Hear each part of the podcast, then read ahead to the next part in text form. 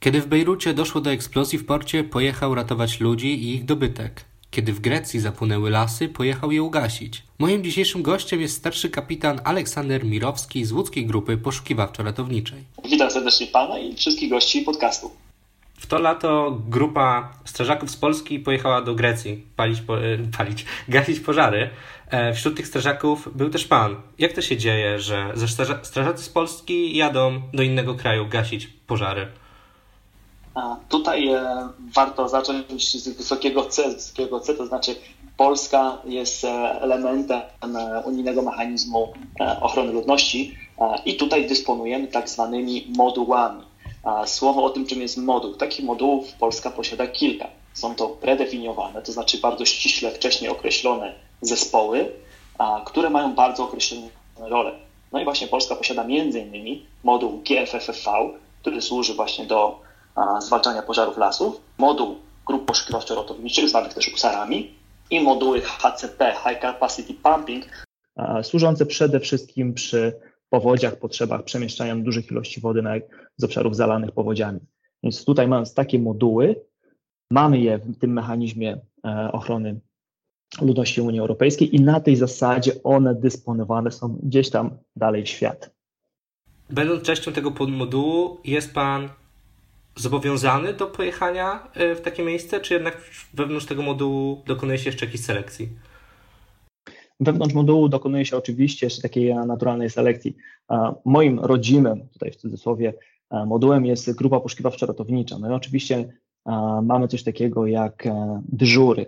E, to się odnosi do całego kraju, ponieważ takich grup mamy kilka, a najczęściej dysponowanymi modułami będzie moduł średniej, ciężkiej grupy, które oczywiście różnią się wielkością, ilością możliwych do wykonania zadań, etc. No i tutaj oczywiście mamy taką, z tych kilku grup mamy złożyć jedną, powiedzmy około 80-osobową grupę. Mamy wtedy dostęp około 200-250 funkcjonariuszy i w momencie, kiedy dysponuje się taki zespół poza granicy kraju, dobiera się odpowiednio ludzi do ról, no i oczywiście z możliwości. Dyżury decydują o tym, które grupy w Polsce mają pierwszeństwo wyjazdu w danym momencie, więc one już w tym momencie są, wiadomo, postawione w taki stan gotowości i zdają sobie sprawę z tego, że może to być na przykład miesiąc, w którym mamy możliwość wyjechać. No i wiadomo, że ludzie są na to przygotowani, aczkolwiek zawsze istnieje jakaś możliwość wypadku losowego, czy to sytuacji rodzinnej, czy zdrowotnej, która zadecyduje o tym, że ktoś akurat w danym momencie, na przykład pomimo dyżuru, no wyjechać nie będzie mógł i zastąpi się go kimś innym. Tutaj w pewnym sensie możemy zrobić krok właśnie do tego wyjazdu, który miał miejsce w lato, moduł GFFV. W naturalny sposób, jak już wiemy, jeśli ja nie jestem członkiem modułu GFFV, wyborem byłaby inna osoba. Tutaj akurat jeśli chodzi o zadania sztabowe, które przyszło mi wykonywać, naturalnym wyborem byłby funkcjonariusz z komendy głównej, ale tak naprawdę miała miejsce bardzo wyjątkowa sytuacja dla Państwowej Straży Pożarnej, ponieważ prowadziliśmy trzy misje jednocześnie. Była to oczywiście misja w Niemczech, gdzie mieliśmy sytuację po powodzi, misja w Turcji, gdzie również odbywało się gaszenie lasów, no i właśnie misja w Grecji, gdzie już tak naprawdę te zasoby ludzkie podstawowe zostały w pewnym sensie e, naruszone i należało dokompletować osoby doświadczone z innych modułów. No i tutaj dostaje się telefon, no i zastępuje się powiedzmy osoby, która wcześniej może byłaby inna, no ale tutaj kompletujemy po prostu zasobów, które mamy, które są dostępne i które wiedzą, że spełnią zadania. Czyli pan do Grecji pojechał tak trochę przez przypadek, przez sytuację aktualną? W innej, w innej rzeczywistości, powiedzmy, nie byłby pan tym pierwszym wyborem? Czy pana to stanowisko w tym module było tyle kluczowe, że w tej Grecji e, nie obyłoby się bez pana, że tak powiem? W naturalnej sytuacji, kiedy powiedzmy mielibyśmy prowadzone pojedyncze misje, czyli najpierw mielibyśmy na przykład misję Niemcy, e, ona by się skończyła, potem byłaby misja Turcja, ona by się zakończyła i potem misja Grecja, Najprawdopodobniej pierwszym wyborem właśnie, tak jak mówię, byłaby osoba do sztabu właśnie dobrana z komendy głównej. Wynika to bardzo w dużym stopniu z tego, że są to osoby po prostu, które posiadają odpowiednie kompetencje, wiedzę na danym poziomie, aby móc pracować w tym międzynarodowym środowisku i łatwo się tam poruszać. Poza tym sama organizacja akcji nie zawsze jest ściśle związana z zadaniami operacyjnymi, mówię tutaj o sztabie, a wymaga też wiedzy na innych polach, innego troszeczkę doświadczenia niż takiego samego doświadczenia liniowego związanego z samym działaniem gdzieś tam właśnie na tej w cudzysłowie linii frontu. I tutaj właśnie te osoby z komendy głównej bardzo często są pierwszym wyborem i to jest to bardzo naturalne, jest zupełnie normalne i to bardzo dobrze wychodzi. Tu w sytuacji, kiedy mieliśmy e, właśnie trzy misje jednocześnie, konieczny był e, dobór spoza tej podstawowej puli, tak sobie to nazwijmy. No i tutaj akurat może nie słowo przypadek najlepiej by pasował, ale wierzę, że po prostu wybory, jakie zostały dokonywane, no były dokonane na zasadzie po prostu sprawdzenia kompetencji i doboru kolejnych osób, które daną rolę mogło, mogły wypełnić. No tak, domyślał się, że to nie, na tak ważne stanowiska i tak ważne misje nie wybiera się ludzi losując z kapelusza ich nazwisk. E, przybliżył Pan teraz trochę od tej strony proceduralnej, jak wygląda taki wyjazd, jak działają te moduły i jak, e, jak naprawdę dobiera się pracowników, a od tej strony ludzkiej, jak Pan sam przygotowywał się do tej misji, jak sam podjął decyzję, że chce się na nią wybrać, jak to wyglądało, jak wyglądała ta droga, jak to z Pana perspektywy już jako pojedynczego strażaka, który brał w tym udział, wyglądało? Myślę, że to jeśli chodzi o przygotowanie do misji, dla każdego modułu, dla każdego funkcjonariusza to wygląda, może wyglądać bardzo podobnie. Można mówić o czymś takim, co nazywamy takim trochę cyklem ratowniczym i tutaj tak naprawdę koniec każdej akcji, albo właściwie przed rozpoczęciem każdej akcji przygotowujemy się, bo ten sprzęt tak naprawdę to wszystko, co jedzie z nami, już musi być gotowe w momencie wyjazdu. Patrząc na przykład na misję Grecja, w zeszłym roku mieliśmy tak naprawdę Liban, tam ta misja się zakończyła i właściwie po misji E, już można powiedzieć, że należałoby usiąść, zastanowić się, co wyszło, jaki sprzęt się przydał, co się nie przydało. Tutaj, jeśli mówimy o sprzęcie, to jest to całe spektrum tego, co wzięliśmy ze sobą. Nawet nie mówimy o sprzęcie, jeśli chodzi o całą grupę, ale nawet o takim sprzęcie indywidualnym. Czy dana ilość sprzętu mi się przydała, o takich bardzo podstawowych rzeczy, jak dane ubrania, E, zestawy leków i tak dalej, po jakiś taki sprzęt osobisty, który zabieram ze sobą na działania, czy to się przydało, czy nie przydało, e, jak można było to redefiniować, może wziąć trzeba było coś innego, ograniczyć ciężar i tutaj już się zaczyna przygotowanie do misji. W ten sposób, właśnie dostając telefon, na przykład jeśli chodzi o misję Grecja, już to wszystko tak naprawdę mam popakowane w plecakach, torbach, no i to akurat mogę powiedzieć, że taka lista wyjazdowa do wyjazdu. U mnie akurat zawiera ponad 100 pozycji. Ja tak naprawdę taką listę w momencie, kiedy dostaję telefon, że wyjeżdżamy, czy to są ćwiczenia, czy misje, jakiekolwiek inne warunki, drukuję i dokładnie można powiedzieć, że na ślepo wiem, co gdzie jest, co skąd trzeba wziąć, tak aby ten sprzęt no, maksymalnie szybko skompletować, wrzucić w torbę i być gotowym.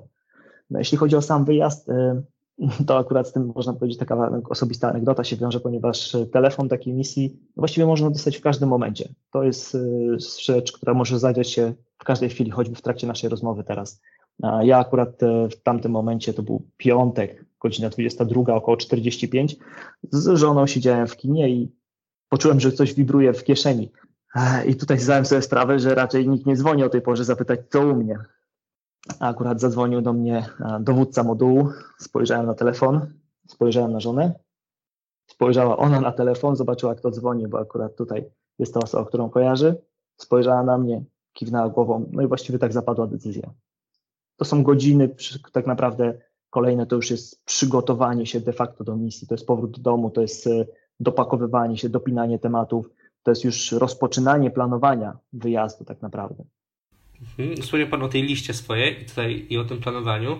I tu jestem ciekaw, co na tej liście dokładnie Pan ma z takich rzeczy, które może nam, osobom niezwiązanym z zawodem strażaka, nie przyszłoby do głowy. O czym trzeba pamiętać?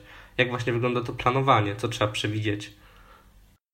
Tu kluczowym słowem jest samowystarczalność. Samowystarczalność będzie słowem, które wszędzie się przewijało w ramach całego modułu, jeśli chodzi o sprzęt, samochody, całą logistykę.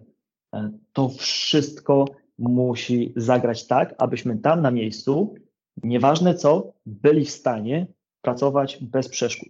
Dla takiej osoby jak e, ja czy pan nawet, wiele z tych rzeczy jest bardzo prozaicznych właśnie. Nie ma bardzo często, nie pojawia się e, tam zbyt wiele takich pozycji, które kogoś by zaskoczyły.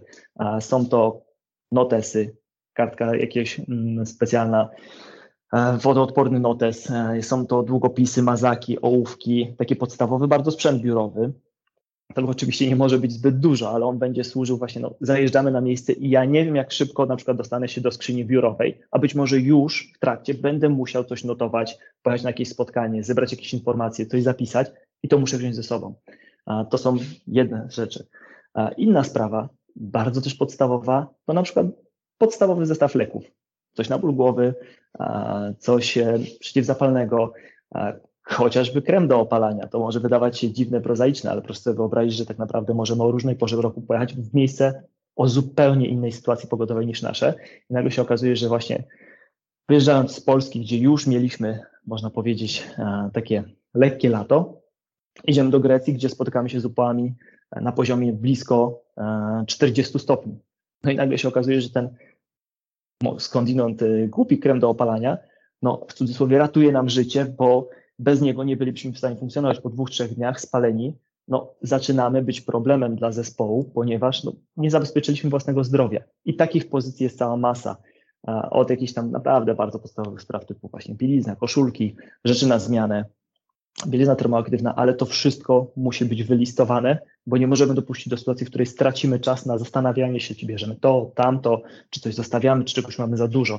Oczywiście zapakowanie wszystkiego tak naprawdę sprawi, że będziemy ważyli bardzo, bardzo dużo i będziemy się z tym ciężarem po prostu musieli męczyć, bo nigdy nie wiemy, ile razy będziemy musieli się przepakować, zmienić lokalizację, wrzucić ten sprzęt na samochód, zdjąć go z samochodu, wrzucić kogoś do namiotu, wyciągnąć.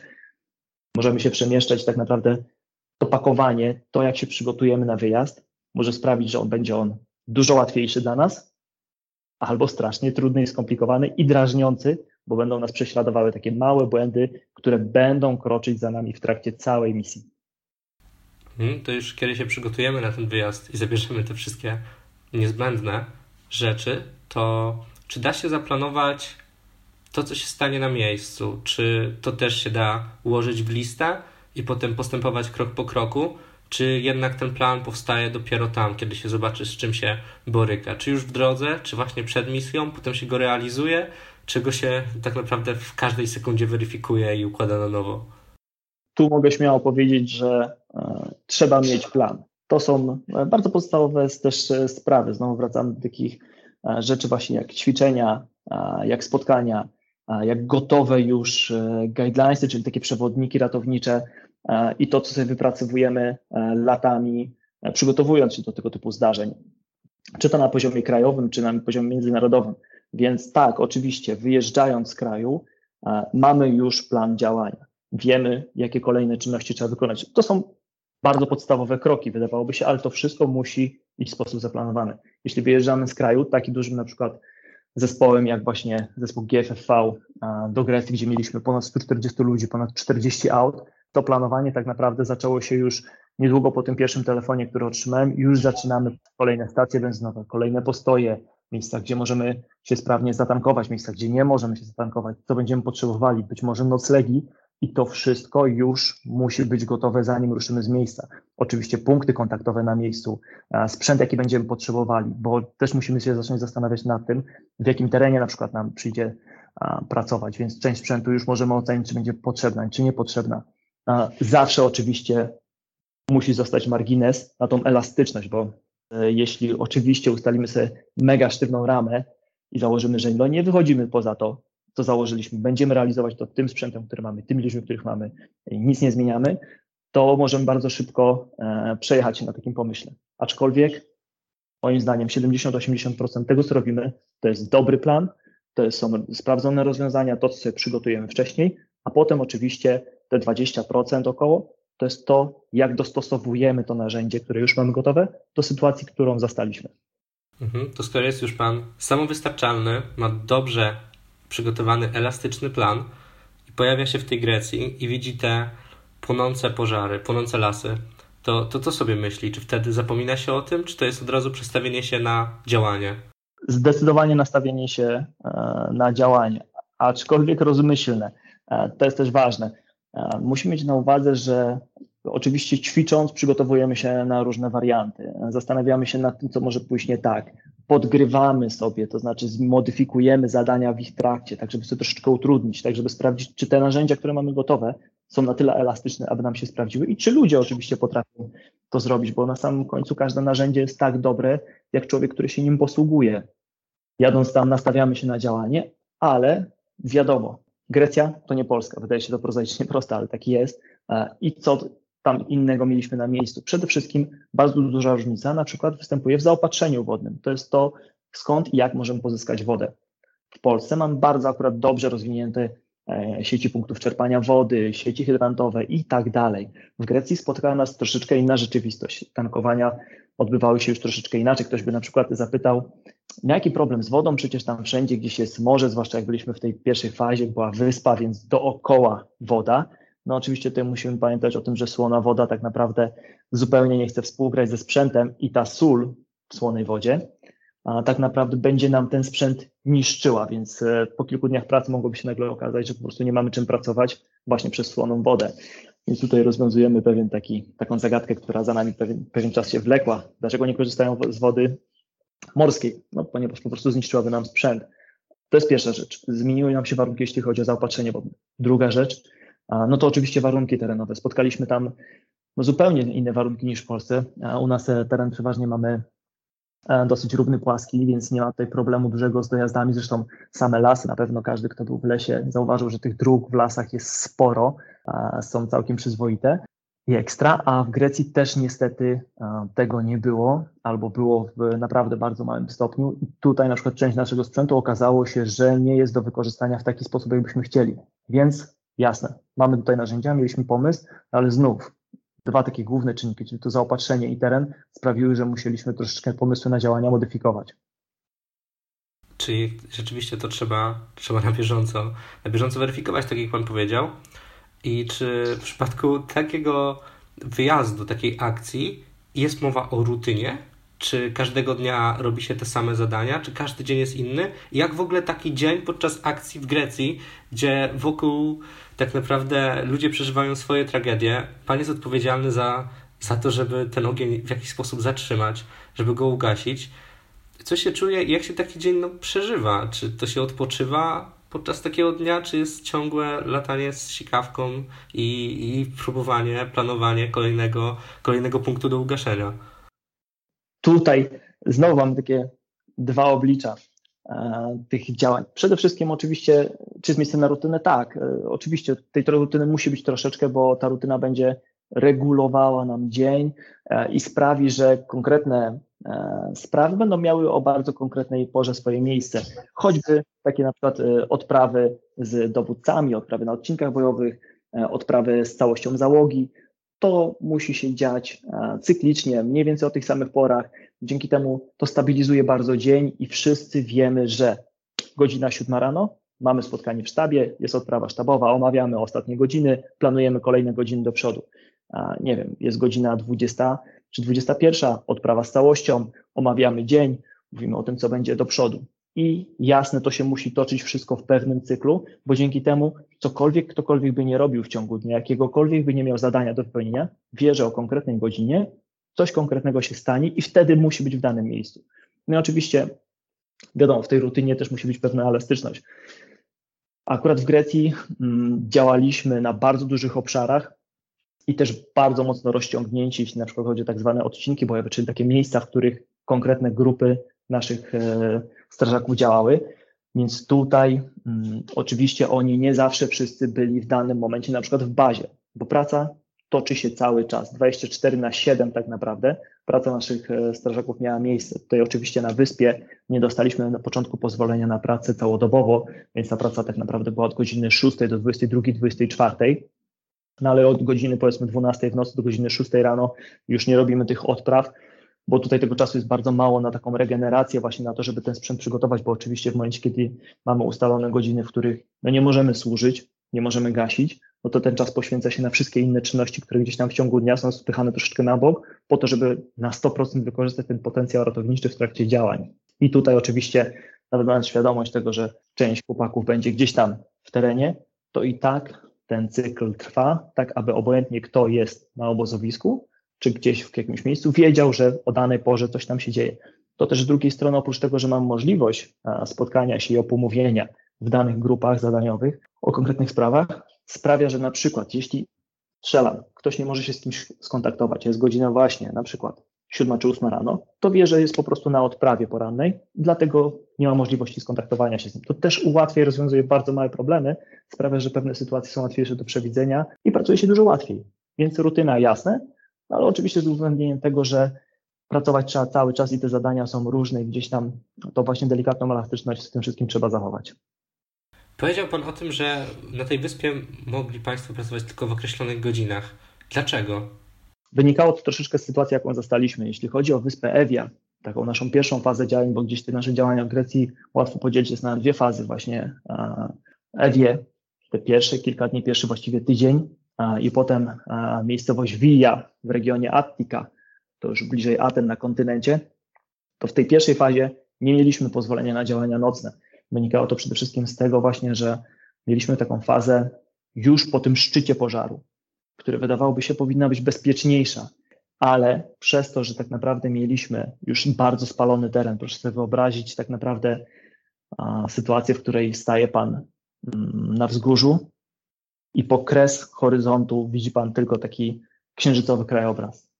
Popiół, zgliszcza, patyki drzew, które wyglądają jak już spalone zapałki a, i ten teren okazywał się bardzo niebezpieczny. Tej Grecy akurat nie chcieli nam pozwolić na pracę w nocy, bo po prostu nie było wiadomo, jak ten teren będzie się zachowywał. Proszę sobie wyobrazić, że tak naprawdę a, takie spalone drzewo, ono może stać tydzień, dwa a, i nic się z nim nie będzie działo, a w jednej chwili potrafi się zwalić po prostu już pod własnym ciężarem, osłabiony tym pożarem, który przeszedł. No i to realne sprawia zagrożenie strażakom, którzy gdzieś tam w nocy pracują, bo oczywiście ten teren jest mniej oświetlony, on jest górzysty, cały czas musimy o tym pamiętać, że no nie pracujemy na łatwej nizinie, tylko na terenach górzystych, gdzie tak naprawdę no, wpadnięcie w jakiś wąwóz, jar, sunięcie się ze zbocza no jest realnym ryzykiem. No i tutaj właśnie ze względu na to ryzyko nie dopuszczano nas do pracy właśnie w tych godzinach typowo nocnych, 22, 24 do, do 4 rano musieliśmy się wstrzymywać od wykonywania zadań. No i tutaj z czego to wynika? Bo ktoś by pomyślał, nie no, jak im nie pozwolili, przecież powinni spróbować pracować. Ideą samego mechanizmu jest to, tego pomocowego, że pomagamy krajowi, który poprosi nas o pomoc, ale na zasadach tego kraju, który chce tej pomocy. Więc tak naprawdę wykonujemy zadania, które zostają nam zlecone taki sposób, w jaki o to prosi nas to państwo. Właśnie w taki sposób, aby nie tylko przez samowystarczalność nie być kłopotem dla tego państwa, e, ale przez to, że nie narzucamy się ze swoimi pomysłami, bo być może po prostu są zadania, które dane państwo nie chce wykonywać. No i też nie chciałoby, żebyśmy akurat my się w nie angażowali, bo woleliby swoich ratowników tam skierować albo zrobić to na swój sposób. I to też trzeba uszanować i mieć to z tyłu głowy, że tak to ma działać. Powiedział Pan przed chwilą o tym, że, że można mieć swoje pomysły na zadania. No wiadomo, że w takiej sytuacji, w której kraj prosi o pomoc, e, nie ma sensu, albo tak jak Pan mówi, no, może nawet nie powinno się e, ich proponować. I tutaj pojawia się u mnie takie pytanie, bo mówi Pan o zadaniach i o tym, o akcji, a ja jestem ciekaw, jak to wygląda tak naprawdę gaszenie pożaru na taką skalę, bo, bo my sobie pewnie wszyscy tutaj, którzy nie mają związku z byciem strażakiem, wyobrażamy, że jedzie pan po prostu z karnistrem, z wodą i, i po prostu oblewa te lasy, ale zakładam, że to no, nie wygląda tak. No, e, zdecydowanie. Tutaj e, ma pan rację. Tych technik i pomysłów jest oczywiście e, wiele. Tutaj akurat jeśli chodzi o właśnie pożary lasów w Grecji, znów mamy taki dwie strony medalu. W tej pierwszej części trafiliśmy na fazę właśnie działań, gdzie e, ten pożar wymagał dogaszenia, e, skontrolowania i zamknięcia e, w taki sposób, aby on się już nie rozprzestrzeniał, bo można byłoby sądzić, że skoro mieliśmy już po tej tak zwanej górce pożaru, gdzie on już tak naprawdę dogasał i to wymagało tylko dopracowania go, ten pożar przestaje być groźny. Oczywiście nic bardziej mylnego, bo ta pogoda, która miała miejsce w Grecji w tamtym czasie, czyli tak naprawdę bardzo duża susza, do tego porywisty wiatr, jesteśmy przecież nad morzem, ten wiatr cały czas się zrywa e, i zaczyna nam przenosić te zarzewia pożaru w inne miejsca. Więc to jest tak naprawdę praca, która wymaga ogromnej dyscypliny, ale też przede wszystkim jest to bardzo ciężka praca fizyczna na tym etapie, bo właśnie wymaga przecinek, dogaszania, przekopywania, wykonywania pasów zabezpieczających. I to jest właśnie bardzo dużo takiej, dosyć wydawałoby się prostej, ale mega fizycznej i mega wymagającej pracy, która w takim terenie, o jakim wspominaliśmy, no jest niebywale ciężka, bo po prostu wymaga ogromnego nakładu e, wysiłku od ratowników. No i tutaj czapki z głów dla chłopaków, którzy pracowali właśnie w terenie, bo bo ta praca wiele ich kosztowała i wiem, że masy serca włożyli w to, żeby te zadania udało się wykonywać. No ale tutaj właśnie wracając jeszcze troszeczkę do tego aspektu sprzętu, można powiedzieć takiego prostego sprzętu używanych, od pił łańcuchowych, którymi właśnie powala się te nadpalone drzewa, tak aby one się po prostu nie przewróciły same z siebie w którymś momencie. Do tego takie wiadomo, drzewo, które jest wysokie, łatwiej, żeby to zarzewie z kilku czy kilkunastu metrów jego wysokości zostało poderwane przez wiatr i przeniesione kilkaset e, metrów dalej. Oczywiście takie drzewa trzeba zlikwidować, powalić, ale też e, samo przekopywanie są takie, można powiedzieć, specjalne dziabki, które służą między innymi właśnie do tego, żeby przegrzebać tą ziemię spaloną, zalać, pójść dalej do kolejnego miejsca, w których te zarzewia mogą powstawać. Tutaj też ciekawostka, co Pan powiedział, właśnie bardzo standardowym, tutaj oczywiście troszeczkę takiego będzie nomenklatury specjalistycznej. Średnica węży najczęściej używana w straży to 52 i 75. Tutaj do pożarów lasów używa się dużo mniejszych średnic, właśnie na przykład ze względu na to, że trzeba te węże ciągnąć setki metrów w las. No oczywiście im większy wąż mamy, tym jest on cięższy. A czasem nie potrzebujemy bardzo dużo wody, a potrzebujemy, zawody są bardzo daleko, więc tutaj taka ciekawostka. Dużo było takiego sprzętu, którego na przykład właśnie na co dzień nie zobaczymy w strażackich e, strażnicach. Nie jest on gdzieś tam wyciągany, właśnie czeka na tego typu sytuacje, a tam właśnie się przydał. Mhm, to nie wiedziałeś, że takie małe rzeczy są na to zwracane uwagę, że może być wąż, a innej średnicy myślałem, że wąż to jest po prostu wąż. Dobrze pan to doprecyzował, bo nigdy nie myślałem na ten temat. Były jeszcze jakieś takie sytuacje, jakieś takie elementy tej akcji, o których my możemy nie wiedzieć, jak na przykład ta średnica węża? To już wydawałoby się bardzo prozaiczna sprawa, tak jak pan mówi, no wąż, wąż jaki jest, każdy widzi, ale to szczerze powiedziawszy w dłuższym dystansie, w kolejnych dniach pracy zastosowanie po prostu trochę innego narzędzia sprawia, że ta praca staje się dużo łatwiejsza, przyjemniejsza i może trwać po prostu dłużej, nic nie kosztując, nic nie zabierając nam z efektywności naszych działań. Inna sprawa. Działania tak naprawdę, zwłaszcza potem już na kontynencie, na swoją charakterystykę, sprawiły, że angażowaliśmy już tutaj bardzo dużo naszego ciężkiego sprzętu, mówię tutaj o wózkach technicznych, to co wspominaliśmy, warunki terenowe, w Grecji i drogi dojazdowe wyglądają troszeczkę inaczej niż u nas. I tutaj nagle się okazało, że bardzo ciężkie auta, e, nasze pożarnicze, w pewne miejsca po prostu nie mogły dojechać. I tutaj właśnie to, o czym rozmawialiśmy wcześniej. Mamy pewien plan, pewne warianty działania, sposoby wykorzystania sprzętu, ustawienia go tak, żeby on był jak najbardziej efektywny, ale nagle się okazuje, że na miejscu jest to no nie do zastosowania, bo nasze najcięższe auta nie są w stanie ustawić się tam, gdzie byśmy chcieli je mieć, a musimy korzystać z czegoś zupełnie innego lub podmienić je lżejszymi autami, kiedy tamte ciężkie właśnie nagle się okazuje, że po prostu zostają wyłączone z działań.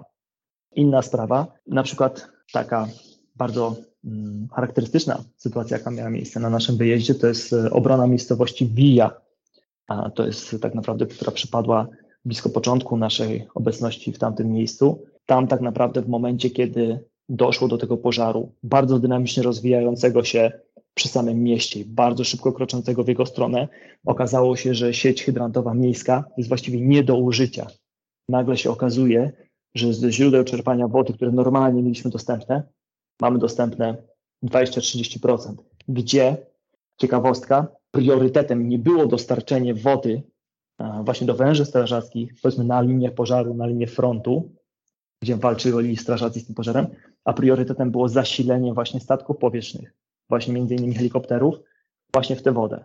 Więc tak naprawdę zamiast wody dostarczać na linię frontu, priorytetowo zasilaliśmy zbiorniki, z których między innymi helikoptery zasilały się, no i gasiły nam ten pożar, e, który bardzo szybko się rozwijał. Tutaj muszę przyznać, że zachęcam do spojrzenia sobie właśnie na gaszenie statkami powietrznymi, jeśli ktoś się tym troszeczkę choćby interesuje lub chciałby zainteresować, ponieważ osobiście zawsze uważałem, że um, to jest taki bardziej nice to have, właśnie taki statek powietrzny w, w trakcie gaszenia pożaru lasu, a okazuje się, że to jest taki typowy must have i tak naprawdę bez tego byłoby przerażająco ciężko opanować między innymi właśnie ten pożar, który na szczęście po kilku, kilkunastu godzinach udało się opanować i odeprzeć. Ale tutaj właśnie inna ciekawa sprawa, która właśnie rzadko jest e, spotykana w takim codziennym życiu strażaka, czy osoby, które gdzieś tam obserwuje pracę straży, to te właśnie statki powietrzne, które e, gaszą pożary lasów, tam po prostu okazały się kluczowym elementem, jeśli chodzi o działanie i bez tego byłoby bardzo ciężko. Mhm. Powiedział Pan teraz o takich niespodziankach, które trochę zostały na miejscu, a mimo wszystko, e, jakkolwiek by to nie brzmiało, akcja w Grecji była swego rodzaju, była czymś może standardowym, no to nie jest dobre słowo, ale próbuję tutaj powiedzieć, że jednak to był pożar, a strażacy są przygotowani na gaszenie pożarów.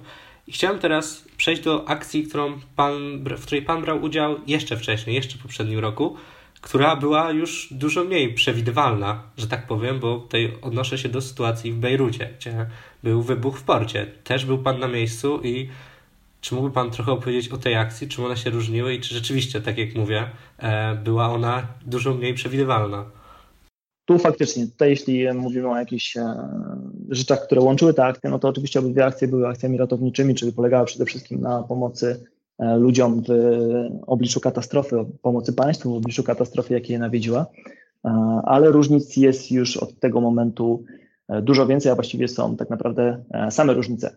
Podstawa to oczywiście to, że inny moduł, czyli inna grupa, inny zespół zadaniowy jest dysponowany. Tutaj mieliśmy oczywiście moduł do gaszenia lasów, w którym oczywiście ma zupełnie inny sprzęt, zupełnie inny zespół ludzi, etc. A do Libanu oczywiście ze na to, że to był, no może nie ze względu na to, że był wybuch, bo tutaj to wybuchu akurat nie była dysponowana grupa przygotowawcza ale właśnie, że następstwem e, wybuchu e, były katastrofy budowlane na samym miejscu, no i duży obszar e, miasta został zdewastowany w wyniku właśnie tego wybuchu. No i to właśnie te katastrofy budowlane zdefiniowały to, że dysponowała, była, dysponowana była grupa poszukiwawcza ratownicza. Aczkolwiek e, sama sytuacja jest, była właśnie o tyle niestandardowa, że jeśli mieliśmy mowę o zawalonych budynkach, to przyczyna ich zawalenia była zupełnie inna niż środowisko, w którym zazwyczaj te grupy funkcjonują. Tu trzeba od razu z tyłu głowy było mieć, to, że doszło do wybuchu w magazynie z jakimś środkiem chemicznym. Oczywiście to była saletra amonowa, no ale trzeba się zastanowić, jakie zagrożenie dla ratowników na miejscu taki wybuch i to, co po sobie pozostawił, niesie dla ratowników. Czy mówimy tutaj o skażeniu chemicznym, na jakiej skali, jak należy się do niego zabezpieczyć, w jakim obszarze ratownicy będą mogli pracować, jakie środki ochrony indywidualnej, etc. Więc tutaj mnoży się masa pytań. Co więcej, jeśli chodzi o wyjazdy ratownicze na terenie Europy, no jesteśmy w miarę w stanie przewidzieć kulturę i miejsce, w jakim się znajdziemy, nasze stosunki z ludźmi i tak dalej. Ale jeśli jedziemy już poza granice Europy, to tutaj bardzo szybko musimy zacząć uzupełniać naszą wiedzę na temat właśnie kultury, sytuacji politycznej, jaka nas zastanie na samym miejscu, ponieważ czasem mm, niezręczny żart, błąd w rozmowie może sprawić, że w zupełnie innej kulturze niż nasza, to co my uważamy za odpowiednie, tam będzie zdecydowanie rzeczą nieodpowiednią. I nasza misja może się bardzo przez to skomplikować, bo zaognie się jakaś nie, zupełnie niepotrzebna sytuacja na lotnisku, na miejscu działań, z przedstawicielem władz lokalnych, z przedstawicielem mniejszości na miejscu. I tutaj już ten wyjazd właśnie poza granice Europy sprawia, że ta sytuacja już nawet nie ze względu na sam wybuch, zaczyna się bardzo, bardzo komplikować i wymaga bardzo dużej zręczności, sprytu i umiejętności rozpoznania, zanim dojdziemy na miejsce tego, co nas może tam zastać. A pamięta Pan jakiś przykład ze swojego doświadczenia, kiedy no, coś zaskoczyło na tym podłożu kulturalnym i doszło do jakiejś takiej nieprzyjemnej sytuacji ze względu na, na te odmienne kultury. Na przykład właśnie w Libanie, ale niekoniecznie, jeśli wcześniej miał Pan też jakąś sytuację, to może Pan opowiedzieć. Bardzo ważnym elementem właściwie podczas każdej akcji ratowniczej dla grupy poszukiwawczo-ratowniczej jest pies.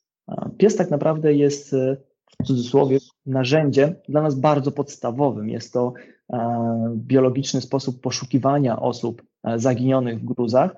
No i właściwie jest może niezbędny, może nie, ale naprawdę jest niebywale pomocny i tak naprawdę pies jest jednym z podstawowych środków, które będą nas służyły w trakcie poszukiwań. No jest zdecydowanie niepomijalny, a musimy mieć świadomość, że w wielu kulturach pies może być zwierzęciem nieczystym, zwierzęciem brudnym. Więc na przykład poszukiwanie osób zaginionych w miejscu kultu przez psa będzie uważane za zniewagę. W niektórych miejscach może zostać niedopuszczone nawet za cenę tego, że ktoś kto może w tym budynku, w tych zgliszczach być. Więc tutaj, na przykład właśnie podchodząc do różnego typu obiektów, zawsze trzeba się zastanowić, właśnie jeśli chodzi na przykład o psa, czy możemy zadać pytanie, czy to będzie problem, czy nie, czy pies może wejść, czy może poszukiwać, czy może mieć kontakt. To jest także taka jedna podstawowa sprawa. Oczywiście w kulturach e, Bliskiego Wschodu Musimy też zważać na e, rolę kobiety na miejscu, też zastanowić się, na jaki kontakt możemy sobie pozwolić, na jaki typ rozmowy, etc. Będąc w różnych miejscach, na przykład w Libanie, e, to, co zakończyło tak naprawdę w dużej mierze nasze działania tam, to sytuacja polityczna. I tutaj też trzeba mieć dużo taktu, jeśli chodzi o to, z kim, o czym i jak rozmawiamy, co chwalimy, a czego nie, czy chwalimy w obecności mieszkańców lokalny rząd, czy może mamy jakieś uwagi. A jeśli to jest mieszkaniec, to pytanie, w jakiej frakcji e, danej politycznej on jest. Jest tu dużo takich rzeczy troszeczkę innych od nas, w każdym miejscu tak naprawdę na świecie, które sprawiają, że to, co u nas, takie rozmowy o polityce, które są po prostu czymś codziennym, zwyczajnym, naturalnym i w żaden sposób nie przeszkadzają, tam rozmowa o polityce może sprawić, że staniemy w bardzo niewygodnej sytuacji i przez przypadek skrytykujemy E, kogoś, kto odpowiada za de facto nasze ściągnięcie nas na to miejsce działań. Więc tutaj tak naprawdę każde miejsce e, zaczyna być takim polem minowym, które trzeba umiejętnie rozbrajać i po którym trzeba umiejętnie się poruszać. No ale mówię, najczęstszymi rzeczami, na które zwracamy uwagę i z których od razu startujemy, przede wszystkim jeśli chodzi o grupę poszukiwawczo-ratowniczą, to jest właśnie między innymi rola psa, sytuacja polityczna, rola ludzi w społeczeństwie, to, z kim, jak można rozmawiać. Mhm, to jest kolejny przykład tego, co Pan mówi, jak skrupulatnie zaplanowane są te wyjazdy. E, chciałem wrócić tutaj jeszcze do początku tej historii o Bejrucie, bo właściwie jakie było zadanie strażaków na miejscu? To było odgruzowywanie tego miejsca, poszukiwanie ludzi? Co tak naprawdę było najważniejsze? Przede wszystkim podstawowa e, rola na miejscu to e, poszukiwanie osób zaginionych. To jest tak naprawdę identyfikacja budynków, w, którym, e, w których te osoby mogą się znajdować, no bo od tego trzeba przede wszystkim zacząć. I trzeba pamiętać o tym, że taka akcja ratownicza akurat w Libanie zaczęła się od pięciu zespołów. Musi też być odpowiednio koordynowana, e, bo mając nawet predefiniowane moduły, mają one czasem swoje jakieś specjalne zdolności, na przykład sprzęt do prowadzenia rozpoznania chemicznego. Więc tutaj na przykład, jeśli udaje się taki zespół rozpoznania akurat to jest moja rola w takim zespole, w grupie poszukiwawczo ratowniczej. Jeśli udajemy się w jakieś miejsce, to w pierwszej kolejności to nie jest tak, że rzuca się wszystkie grupy od razu gdzieś tam na gruzy i one zaczynają poszukiwać na ślepo. Coś takiego się nie dzieje.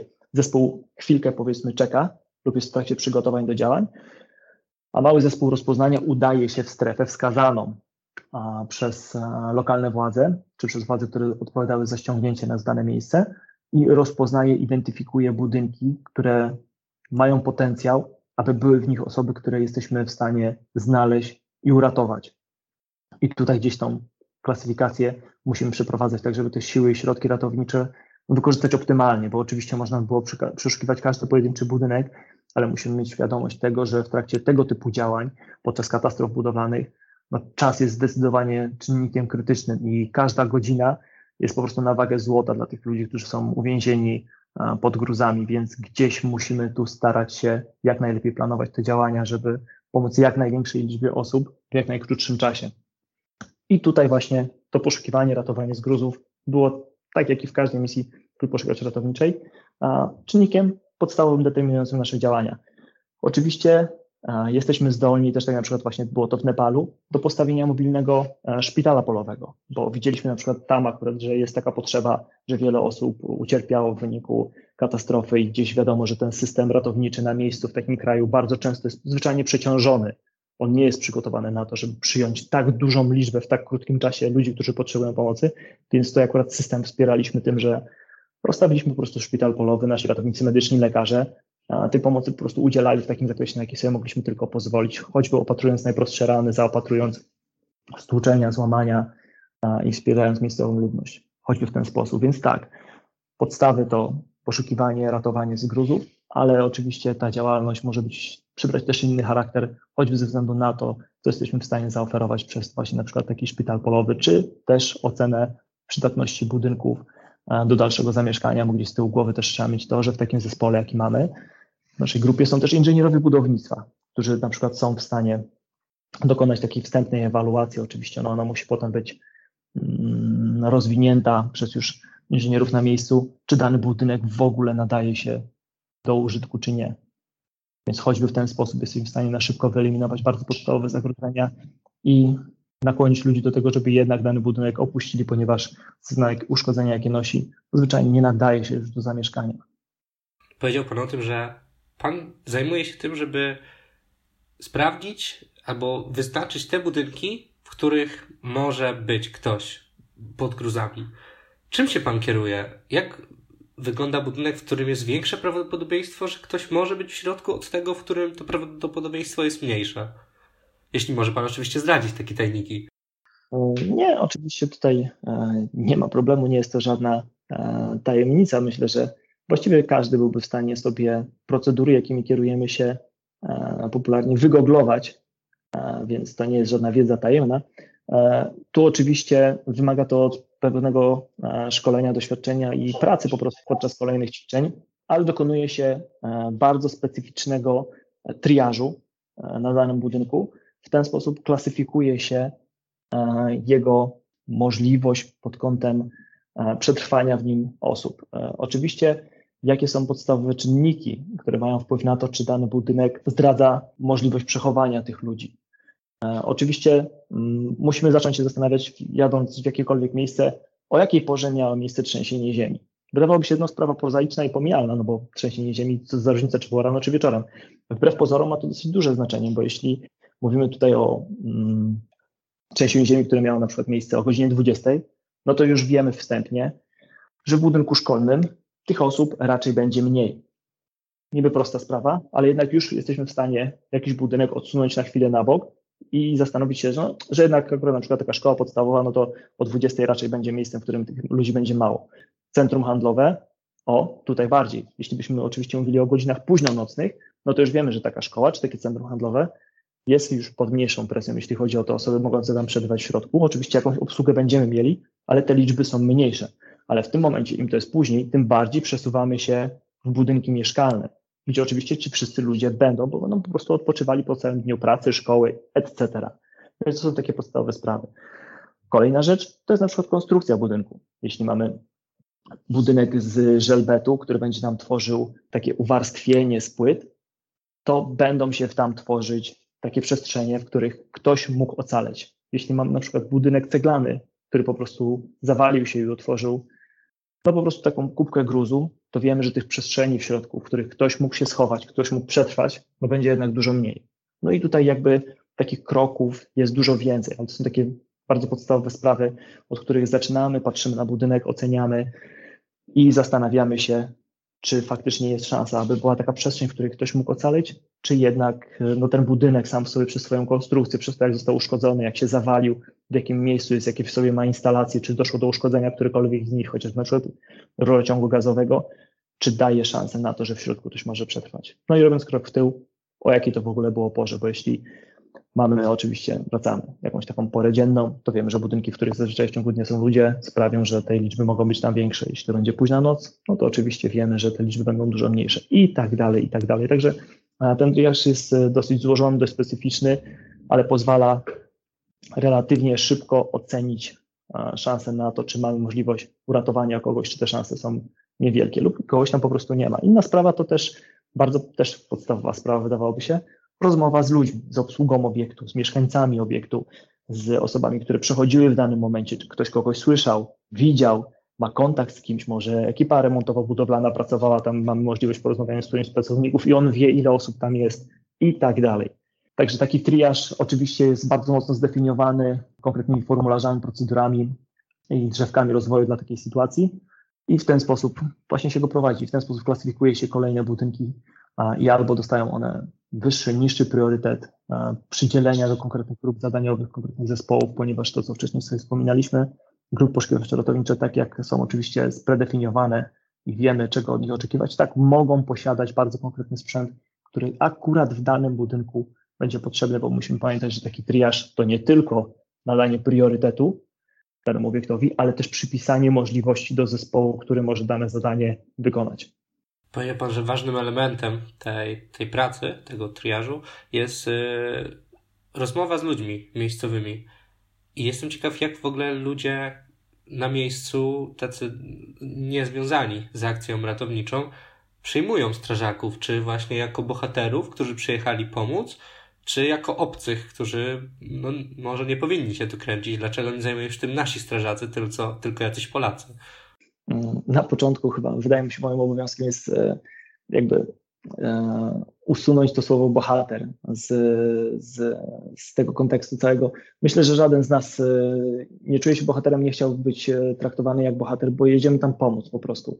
Jedziemy i służymy i robimy to, co potrafimy najlepiej. A ludzie bardzo różnie. Taka katastrofa, czy to pożar lasów, czy, czy wybuch w Libanie, czy trzęsienie ziemi w Nepalu, wyzwala w ludziach najróżniejsze emocje. I na każdą z tych emocji e, trzeba starać się przygotować. Trzeba mieć z tyłu głowy, że to są e, ogromne tragedie. To są utraty bliskich, utraty całego dorobku życia, utrata kontaktu z rodziną. To jest masa różnych emocji. To jest nawarstwienie się właśnie między innymi też różnego typu nastrojów, nie tylko na poziomie osobistym, ale też na poziomie właśnie całego społeczeństwa, kraju, napięcia polityczne, religijne, to wszystko gdzieś tam się w takim momencie kotuje. To jest taka sytuacja, taka katastrofa, to jest tygiel, w którym to wszystko jest, e, mieli się i te emocje mogą być e, właśnie od e, bardzo dużego wsparcia dla naszych działań, z czym ja miałem szczęście się najczęściej spotykać, gdzie ludzie cieszą się, że ktoś jest, że ktoś im pomaga, że ta ręka jest wyciągnięta w dwie strony i łapiemy się i staramy się wyprowadzić tę sytuację na tyle, na ile oczywiście jest to możliwe w tych warunkach na prosto, e, ale oczywiście trzeba mieć też gdzieś na uwadze, że, że ta rozpacz po stracie bliskich, e, po stracie wszystkiego, co się miało do tej pory, no może też wywołać agresywne zachowania i tutaj też trzeba umieć się w tym odnajdywać, szukać kompromisów, uciekać z tych sporów, łagodzić sytuację, nie zaagniać jej. To jest no, mega ważne w tego typu działania, bo to, co, o czym wspominaliśmy dużo wcześniej, czasem jedna zła rozmowa, e, jedna sytuacja może sprawić, że nasze działania się bardzo skomplikują i będziemy poświęcać bardzo dużo czasu na prostowanie tego, na łagodzenie jakiegoś konfliktu, e, na wracanie na właściwy tor, e, zamiast ratować ludzi. I tutaj właśnie no, trzeba gdzieś z tyłu głowy to mieć, że jedności interpersonalne są straszliwie ważne i nie można o niej zapomnieć, że gdzieś tam za każdym zadaniem, które wykonujemy, za każdym poleceniem, za każdym budynkiem, w którym ktoś może być, stoi człowiek, stoi jakaś ludzka tragedia i na to musimy być, być gotowi. To przede wszystkim jest nasz priorytet, pomóc drugiemu człowiekowi. Powiedział Pan teraz dużo o tych emocjach, tych traumach, które, które są tam obecne, gdzie Pan jedzie tak naprawdę, te tragedie, które się tam dzieją. I pewnie nie tylko w psychice ludzi tym dotkniętych zostają te smutne obrazki, ale pewnie również w Pana psychice. Jestem ciekaw, jak sobie Pan z tym radzi, albo może się mylę. Jest Pan wyczulony już na to, na tyle, że, że nie dotyka, nie dotyka to wszystko, co, co się dzieje na tych misjach. Wydaje mi się, że kłamstwem byłoby powiedzieć, że, że to żadnego z nas e, nie dotyka, że to gdzieś e, kończy się misja, wysiadamy z samolotu czy z samochodu, wracamy do domu i to wszystko zostaje gdzieś tam. E, to nie byłaby prawda. Tu jednak bardzo duża praca jest do wykonania na każdym etapie, jeszcze nawet przed misją. E, Im więcej ćwiczymy, e, im bardziej metodycznie podchodzimy do zadań, tym łatwiej nam jest zminimalizować wpływ tych wszystkich emocji, które się tam e, na miejscu pojawiają. Oczywiście nie wykluczymy ich. Emocje towarzyszą też nam, bo zaczyna się w pewnym momencie wkradać zmęczenie, nerwy, nakładanie się dużej ilości zadań, chęć zrobienia tego wszystkiego. Mamy świadomość, że ten czas to jest coś, co cały czas nas goni i determinuje to, jak wykonujemy nasze zadania. E, I gdzieś te emocje się rodzą, choćby nawet y, nie związane z samym działaniem ratowniczym, ale z bezpośrednio na linii, ale z tym, co musimy w danym momencie wykonać, właśnie po to, żeby ta misja trwała i była efektywna. Proste kroki tak naprawdę sprawiają, że jesteśmy w stanie to przepracować. Choćby takie wieczorne odprawy z całością załogi, gdzie jesteśmy w stanie omówić, co nam się udało, co nam się nie udało, że coś poszło dobrze. Czasem takie proste wieczorne poklepanie się po plecach, kolokwialnie mówiąc, sprawia, że część tych napięć ucieka. E, bardzo duża rola też jest tutaj e, kolegów, dowódców, e, lekarzy, zwracać uwagę na to, czy coś się z kimś dzieje, czy ciężko mu jest sobie poradzić i tam już na miejscu pewne tematy rozwiązywać, tak żeby po prostu tego bagażu jak najmniej zabrać ze sobą do domu. Inna sprawa, bardzo duży krok, jaki został zrobiony na przestrzeni ostatnich lat w służbie, to jest właśnie pomoc y, psychologiczna, która nie zawsze musi się wiązać z leczeniem, które najczęściej wydaje nam się, że jest takim naturalnym następstwem, ale po prostu nawet z tym, że czy po Libanie, czy po Nepalu zespół jest zatrzymywany na kolejną dobę jeszcze zanim wróci do domu, po to, żeby tych emocji na przykład nie brać ze sobą wszystkich do domów, do rodzin, tylko jeszcze mieć możliwość przepracowania wszystkich tematów e, wewnątrz zespołu, z zespołem psychologów, porozmawiania o tym właśnie, co poszło ok, gdzie mogliśmy zrobić coś inaczej, czy mogliśmy zrobić coś inaczej, bo czasem wydaje nam się, że, że dało się jeszcze więcej zrobić, że jeszcze bardziej udałoby się pomóc jeszcze większej liczbie ludzi, wykonać jeszcze więcej zadań, ale potem jak usiądziemy razem i zastanowimy się e, nad tym wszystkim, co zrobiliśmy, uświadamiamy sobie, że to jest taka praca, w której niestety nie zawsze da się pomóc wszystkim, ale po prostu trzeba zrobić wszystko, żeby pomóc jak największej ilości osób. I e, czasem właśnie taka chwila na, na rozmowę, na refleksję sprawia, że jeśli zdamy sobie z tego sprawę, to właśnie dużo z tego ciężaru, który upychamy w trakcie tego wyjazdu w kieszenie, zostaje właśnie gdzieś tam za nami. A trzeba umieć po prostu też gdzieś ten cały bagaż, też emocji, przekuć w doświadczenie, w to, żeby następnym razem znowu przygotować się lepiej, lepiej podejść do tego wszystkiego, łatwiej to znieść i po prostu zrobić krok do przodu. No domyślam się, że nie jest to łatwe e, dźwiganie tego, tego bagażu. Powoli będziemy już kończyć. Chciałem jeszcze na sam koniec zapytać Pana, pomimo tego ryzyka, które trzeba podjąć i pomimo tego ciężaru, o którym Pan przed chwilą powiedział, E, dlaczego pan został strażakiem, a potem zaczął decydować się jeździć na, na takie akcje? W moim przypadku to e, chyba troszeczkę inaczej niż każdy sobie to wyobraża. Zawsze każdy chłopiec marzy o tym, żeby na przykład właśnie zostać e, strażakiem. No ja mogę śmiało powiedzieć, że to u mnie akurat tak nie było. Tutaj tak naprawdę decyzja e, była dosyć dynamiczna i e, podjąłem naukę w Szkole Głównej Służby Pożarniczej. Tak naprawdę w ostatnim momencie taka decyzja gdzieś tam zapadła. I zostałem podchorążym, e, ale już w trakcie samych studiów miałem możliwość pracy w wolontariacie dla działu współpracy międzynarodowej właśnie w SGSP. Tutaj pierwsze te kontakty gdzieś tam międzynarodowe, to ratownictwo międzynarodowe zaczęło się gdzieś tam wkradać do mnie w spektrum zainteresowań. No i właśnie certyfikacja polskiej grupy poszukiwawczo-ratowniczej do działań międzynarodowych USAR Poland w 2009 roku sprawiła, że zobaczyłem, jak to ratownictwo może wyglądać, jak ta pomoc może wyglądać w ramach, w ramach tej pomocy międzynarodowej. I wtedy już stwierdziłem, że to będzie to, że, że chciałbym w tą stronę pójść, że jeśli mam pomagać, to, to na maksa i wyjść poza swoją jednostkę, swoją jednostkę ratowniczo-gaśniczą, gdzieś dalej, żeby tą wiedzę poszerzać, żeby to spektrum umiejętności i tym, jak mogę pomóc innym, było jeszcze większe. I to oczywiście, e, no oprócz tego, że samemu się taką decyzję podejmuje, to tutaj oczywiście wsparcie bliskich, bo naprawdę to, o czym rozmawialiśmy na samym początku. Telefon o potrzebie wyjechania na tydzień, dwa, dłużej, może przyjść w każdej chwili. To, to nie jest e, kontrakt, na który się jedzie, wiedząc o nim kilka miesięcy wcześniej. To jest decyzja e, dziś w nocy, że jutro rano mnie nie ma na kolejne dni. No i tutaj wsparcie też bliskich jest mega ważne, myślę, dla każdego trochę kartownika, który się na to decyduje, bo, bo ten ciężar e, domu, on, ten ciężar, te wszystkie obowiązki, zadania, on zostaje tutaj i tutaj jakby e, my wychodzimy, ratujemy tam, a tutaj te e, sprawy takie domowe, bliscy, rodzina zostają i tutaj też ktoś nas musi wspierać i tutaj to jest myślę, że mega ważne dla każdego z nas i to jest to coś, co ja otrzymuję w domu, więc dzięki temu, że tu jest dobrze, tam możemy też pomagać. To jest też, też mega ważne, że to tak naprawdę to nie jest praca tylko tych e, ludzi, którzy e, wyjeżdżają, tych 80 czy 140 osób i tak dalej, tylko to jest praca całych rodzin, całego społeczeństwa. E, to jest bardzo duży wysiłek wielu ludzi po to, żeby ta pomoc mogła zostać udzielona. Dlatego właśnie uciekam od tego słowa bohater, bo gdzieś widzimy tylko tych ludzi, którzy gdzieś tam są i działają, ale tych tak naprawdę bohaterów jest wielu więcej.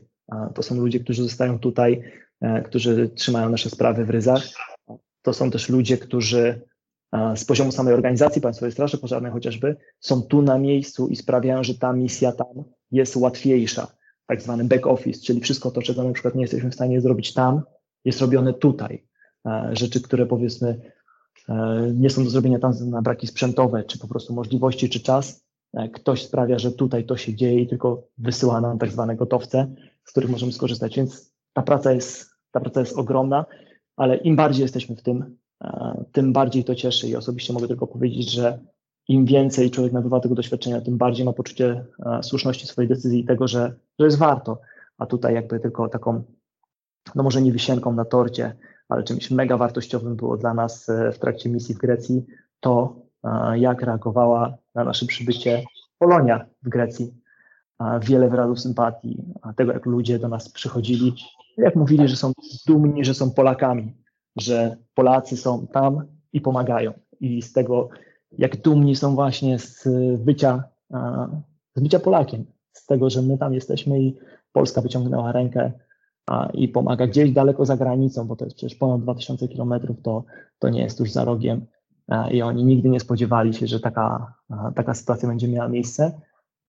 I te, to wszystko, co tam właśnie na miejscu, te pozytywne emocje ze strony naszych rodaków, którzy tam są już przez wiele lat, sprawia, że człowiek tylko utwierdza się w tym, że robi dobrze, że to jest dobra decyzja. No to chyba najpiękniejsza puenta tej rozmowy, jaka mogła być. Dziękuję bardzo za przybliżenie, jak skrupulatnym i wielkim przedsięwzięciem jest tak naprawdę taka misja. Dziękuję pięknie za rozmowę no i mam nadzieję, że udało się ubrać słowa e, w trakcie naszej rozmowy to wszystko, co się działo i to, co się dzieje wokół takiego ratownictwa tego typu. Troszkę innego niż tego, które widzimy na co dzień e, za naszymi oknami czy na naszych ulicach.